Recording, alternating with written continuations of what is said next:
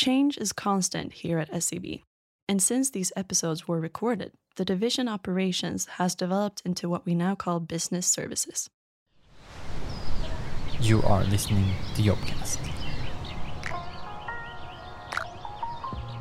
Hi, I'm Jack, and I'm the head of development in trading operations at SEB. We are looking for business analysts at SEB.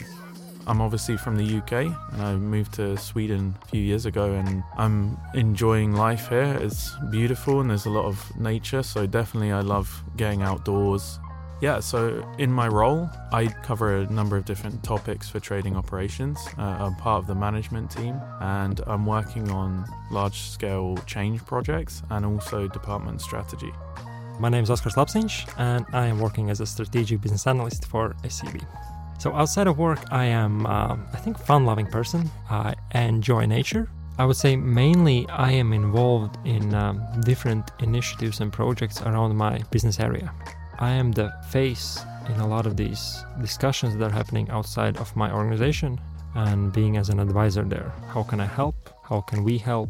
What could be the next steps towards this project to be actually successful and what how to deal with the problems that are coming up? I'm looking for business analysts that are energetic, that are interested in the business and in getting their hands dirty with analysis, writing requirements, developing their communication skills, and getting hold of new technologies and being able to use them and learn them. Our AML area, financial crime, it's it's growing like mushrooms after rain. Do you have that saying? No? In Latvia, we do.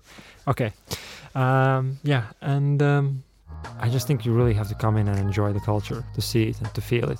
If you have that and you have understood how good it is, actually, you are really willing to come in and work and stay. And we have a lot of internships for students, and everybody who has come here is like, I want to come back. I want to finish and then come back.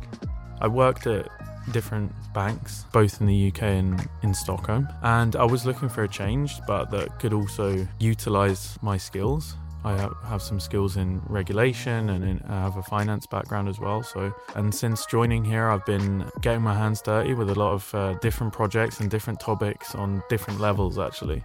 In operations, we've got a unique role in the bank, and I think a good way to describe it is that we're maybe not the the flashy outside of the car, you know, the Ferrari, let's say. So we're not the se- selling point, but we're the the engine within the car. So we kind of deal with all of the topics, tasks, and running of delivery. So we really deliver what needs to be delivered after it's sold to a client, let's say. And I think the skills in operation span so many different areas, products, processes. I think another role in operations is we are the process experts.